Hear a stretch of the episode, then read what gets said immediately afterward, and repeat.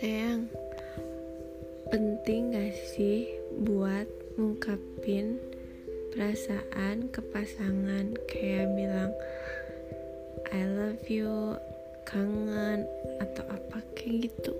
Penting. Penting. Tapi? Nggak ada tapinya penting aja. Kamu termasuk yang suka bilang kayak gitu ke pasangan? Eh, apa enggak? kalau keseringan takutnya jadi nggak berarti kalau aku. Hmm, jadi kalau some special times lah dibikin special jangan jadi receh gitu. Kalau keseringan tuh receh